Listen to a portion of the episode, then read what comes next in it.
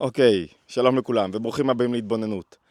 למה לפעמים אני לא מצליח להיחלץ משוב ושוב נופל לתוך מרירות או עצבות מעצבנת או אי קבלה עצמית או הלקאה עצמית למרות, למרות שאני מתאמץ לצאת מזה, למרות שאני לומד, אני רוצה להתפתח, אני קורא ספרים, אני הולך לקורסים, אני מתאמן, אני, אני, אני מנסה. זאת אומרת, אדמו"ר הזקן, רבי שניאור זלמה מיליאדי, מסביר שיש שני סוגי אטימות לאדם, שני סוגי טמטום. אחד זה טמטום המוח ואחד זה טמטום הלב. טמטום המוח זה מדובר באנשים שמובהר בספרות הקבלה, שזה אנשים שזה כאילו לא רוצים להבין שום דבר, יש להם קרום, חסם, מעל, השכל לא רוצה להבין, לא רוצה לשמוע, שקוע בתוך עולם גשמי, בתוך מציאות נמוכה, בתוך עסוק בעצמו כל כך, אי אפשר לדבר איתו. איזה מעצבנים האנשים האלה, שאתה לא יכול לדבר איתם, שאתה מרגיש שהם כל כך אטומים, שאין לו פתאום הערה והוא יוצא ממקומו. לקחתי אתכם לפינה הנחמדה אצלנו, ו... אבל יש פה, אני מקווה שאתם לא שומעים עכשיו את כל הטיסות שעוברות מעלינו, את המטוסים. אז יש מצב של טמטום המוח. שאדם לא מבין, לא קולט מה איתו. זה לא המצב שלנו. ויש מצב של אדם שקולט, רוצה, מתאמץ, עושה צעדים משמעותיים לשינוי, אבל לא מצליח להשיג את השינוי ממש. ושוב אמרנו, שוב ושוב ושוב, חוזר לביקורתיות, להלקאה עצמית, איך שזה נראה אצלו בנפש. מה הבעיה? בואו ננסה לפתור את הבעיה ולראות איפה שיש, איפה יש חסמים כלשהם בלימוד שמפריעים לנו להשתפר. להשתנות, להוציא מעצמנו יותר. כמה תקלות, זה נקרא, בנשק, כשהנשק לא יורה יש כמה מעצורים. אתה צריך לפרק את המעצורים, לדעת מה, מה המעצור שלך, מה עוצר אותך בעצם מליצור את השינוי. נקודה ראשונה. נקודה ראשונה קשורה דווקא, תתפלאו, למוטיבציה של האדם, שלומד, מתאפ... מת... רוצה להתפתח, להתאמן. מה זאת אומרת? הרבה פעמים אנשים מגיעים, אני, אני רואה את זה אצל המון מאמנים, מאמנים מנטליים. מוכרים יותר, מוכרים פחות, בארץ, בחו"ל.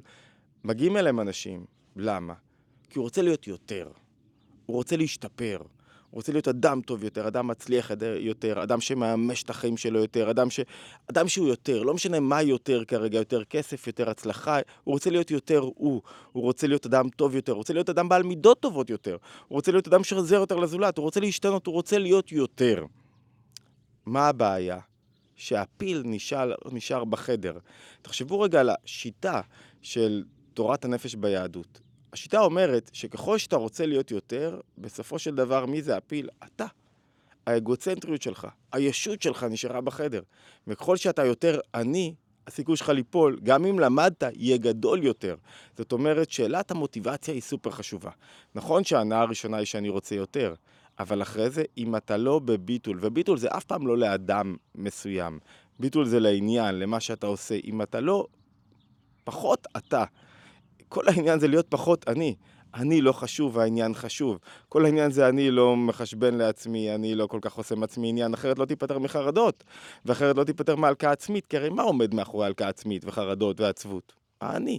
מה חושבים עליי, איך אני מתפקד, איך רואים אותי, עד שלא תשחרר את האני הזה, זאת אומרת, תשנה את מוטיבציית הלימוד שלך, לא יעזור לך, תשב אצל גדולי המנטורים ואצל גדולי המאמנים, ותלמד, ותשב, ותכתוב, ותתרגל, לא תצא מזה, כי הפיל נשאר בחדר. הפיל נשאר בחדר, זה נכון גם למערך טיפולי, זה נכון גם לעבודה של האדם על עצמו. זאת אומרת, המוטיבציה שאיתה אני מגיע, או תפיסת הנקודה הזאת, היא כל כך חשובה, כי היא זאת שעושה את כל השינוי.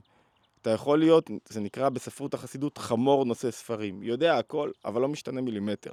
למה? כי עדיין נשאר החומריות, האישיות שלי, הישות שלי, האני שלי, אני רוצה יותר, הכל סביבך. אז עכשיו אתה גם מלומד, או, או אדם שהתאמן, או אדם שעבר כמה תוכניות, יותר. אבל לא יצרת את השינוי. לא הצלחת להשיג שינוי רגשי אמיתי. לא הצלחת להיות מאושר, לא הצלחת להיות שמח, לא הצלחת לראות את אנשים אחרים, לא הצלחת להביא ליותר תוצאות אמיתיות בחיים שלך. למה? כי שוב, נשארת אתה. כי זה הכל סביבך.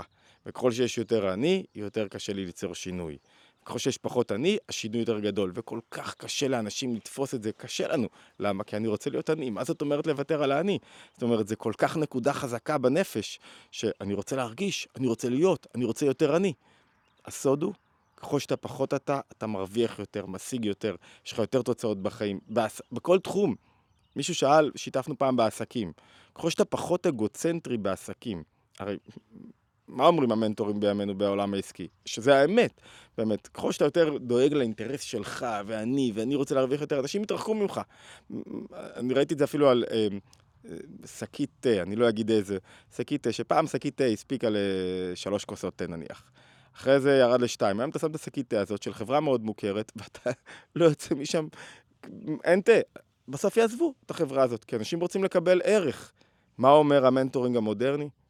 וזה האמת, וזה חלק מהתפיסה של איך החיים צריכים להיראות, וזה נלקח מתפיסת העתיד, תפיסת השפע, תפיסת הגאולה של תורת הנפש ביהדות. תסתכל, לא מה אתה מקבל ומה אתה שואב, אלא מה אתה נותן, מה הערך שאתה מביא לעולם. ולפי הערך ככה אנשים ישלמו לך, ירצו אותך, יכבדו אותך, יעריכו אותך, אבל ככל שאתה רוצה יותר את הכבוד ואת הכסף, אתה תקבל מהם פחות. כי, כי למה? כי, כי זה שוב אתה. אתה לא נותן לאנשים שום דבר, אתה מרוכז בעצמך. אותו דבר לגבי רשתות חברתיות. אתה תשכח מהר מאוד אם כל הערך שאתה נותן זה האני. אבל אם אתה נותן למישהו ערך אמיתי, לא רק בידורי, לא רק... תן לו ערך אמיתי, שישנה לו את החיים במגוון של דרכים, אז הוא יעקוב אחריך ויישאר איתך. אז נקודה ראשונה זה לבחון את המוטיבציה שלי. זאת אומרת, לעבור ממצב של אני רוצה יותר, למצב של אני פחות. אני פה באתי פחות להיות. באתי פה פחות להיות יותר בביטול, להקשיב, ללמוד, לראות מה אני, משת... מה אני משרת. אחד הדברים שעוזקים אנשים במציאת השליחות והייעוד שלהם בחיים, זה שזה הכל סביבם. הוא לא שואל מה העולם צריך ממני כרגע, מה אני יכול להביא לעולם, איזה, איזה תרומה אני יכול להביא לעולם. זו נקודה ראשונה, התבוננות במוטיבציה, וכל אחד צריך לתרגל איך אני משחרר את האני הגדול שלי. זאת אומרת, כשמישהו כבר בא לאימון, זו העבודה המרכזית הראשונה. איך אני משחרר את האני שלי, איך אני הופך את המוטיבציה, ודרך זה הוא ישיג יותר. נקודה שנייה, הרבה פעמים מישהו לומד ואין פרסונליזציה. מה זאת אומרת? אין שימוש בכוח הדעת. מה זאת אומרת אין שימוש בכוח הדעת? הוא לא שואל, הוא מבין את התכנים, מבין את הרעיונות, מתענג עליהם אפילו, אבל לא שואל מה זה אומר לי בחיי היום-יום. מה זה אומר לי מחר בבוקר? איך אני מוריד את זה לגמרי? איך אני לוקח שעתיים של עכשיו להיות, מישהו אמר לנו, הזכרתי את זה, להיות יותר טוב, יותר בינוני, יותר מתאמץ, יותר, יותר עובד על הנקודה שדיברתי עליה. איך אני מתרגל את זה עכשיו בשעתיים הללו? מתרגל במובן של אני מוריד את זה מההבנה השכלית לחיי היום-יום. איפה בחיי היום-יום הורדת את זה למטה? כוח הדעת חייב להיות מחובר. השאלה מה זה אומר לי היא שאלת מפתח שמורידה כל לימוד, כל אימון, כל תרגול מאופן כללי ומקיף, שתפסת אותו למשהו שהוא שלך וחדר לתוך המציאות שלך. נקודה שלישית, מאוד חשובה, בכל מי שמתאמן ולומד ועושה משהו, אם אתה לא מוצא תענוג, ונקודת התענוג בתוך הלימוד לא מופיעה, לא תמשיך בו, וזה לא יחדור בך. התענוג מושך אליך הרבה יותר, התענוג משנה אותך, תענוג כל כך משמעותי, זאת אומרת שיש פה משהו שהוא יותר ממני, משהו מיוחד, משהו שאני חי בו בעצם העניין עצמו, זאת אומרת, אם אני מחדד את זה, תענוג משמעו שאני לא עושה דבר בשביל משהו אחר, אני עושה את הדבר בשביל העניין עצמו, וכדי למה? כי, כי העניין ממלא אותי בתענוג. אז אם אתה הולך ללימוד או אימון ואין בעניין עצמו תענוג, אתה רק מחכה שהוא ייגמר כדי להשיג את ההישג, זה, זה לא יעבוד. זה תמיד יהיה חסר. אותו דבר בספורט, אותו דבר בתחום הגופני. אם אתה רק עושה את זה כדי, בסוף, כדי לראות את השריר שלך או כדי להיות בריא, חסר משהו בעניין עצמו. בכל דבר שאנחנו עושים בחיים, צריך שתהיה בו, אי אפשר כל הזמן להיות תענוג, בשפת החסידות זה נקרא תענוג תמידי אינו תענוג, אבל צריך שתהיה הערת התענוג. משהו מזה מהיר בחיים שלך. נקודה. כאילו שזה קצת אתה מרגיש, פה אני שייך, פה טוב לי, פה אני חי, פה נכון. צריך שיהיה משהו מעין זה בתענוג, ואם אתה בלימוד, או באימון שלך, ואם אתה לא מוצא את זה בלימוד, באימון, בדרך השיפור, בדרך ש, ש, ששרטטת לעצמך, שבה אתה מהלך ובה אתה רוצה להשתנות, כמובן, זה נכון לגבר אבישי, אם אתה לא עושה את זה, אם זה לא משפיע עליך, אם אתה לא חי את זה, אז אתה תעזוב את זה מהר מאוד, וזה לא יחדור לתוכך. נקודה רביעית, תראו, בספורט, הרבה פעמים אתה רואה אנשים שהולכים למכון כושר, נשארים עם הבטן ונשארים בלי שרירים, או שרצים ולא מתקדמים, לא עוברים את השלושה ארבעה קילומטרים. עוד שנה, עוד שנה, לא זזים. התקדמות כל כך איטית. אתה יכול לראות את זה גם בעולם הרוחני. אנשים שתקועים במקום שלהם. הם הולכים לשיעורים, הם... אבל תקועים במקום שלהם. למה? הסיבה פשוטה. כמו בעולם הגופני, כך בעולם הרוחני. הם לא מתאמצים מספיק. זאת אומרת, תגדיל עוד קצת משקלים, תגדיל נפח ריצה, תעבוד, תתאמץ יותר, תביא את עצמך לקצה, תבחן יותר. אתה לא מתאמץ מספיק, בעצמך. אתה הכל רוצה לקבל בכפית. אתה לא, אם המאמן לימד אותך הכל יופי, אם לא יש לך שאלות אז אתה לא מרוצה. מה, הנקודה? שאתה חייב בעצמך קצת להתעקש, לנסות להבין, לפתוח ספרים בבית, ללמוד, לשמוע, ליצור, ליזום. זה חלק מהעבודה שלך, זאת אומרת, חלק מהעבודה, לקחת את הרעיונות, להרחיב אותם, לברר איפה לא הבנת עד הסוף, לקרוא עוד ספרים, לא התאמנת מספיק, לא השקעת מספיק, לא תראה שינוי. נקודה חמישית ואחרונה, ללמה אני לא רואה תוצאות ואיך אני יכול, אה, ולמה שוב פעם ושוב ושוב אני נופל לאותה מרירות, עצבות, אמרנו אי קבלה, לזכור שזה קרב שמתנהל בנפש האדם, והקרב הזה הוא חלק מהזכות הגדולה שלנו להיות לוחמים בתוך העולם הזה, וזה תכלית קיום. זאת אומרת, לא להיבהל מזה יותר מדי. אוקיי, הכל בסדר. אמרנו את זה כמה פעמים, הכל בסדר, יש לך קרב. נו, מה אתה רוצה, לחסוך את הקרבות שלך? ככל שהקרבות שלך יותר גדולים, כנראה שאתה במעלה יותר גדולה. אז אל תיבהל מזה שאתה בתוך תהליך ובתוך קרבות.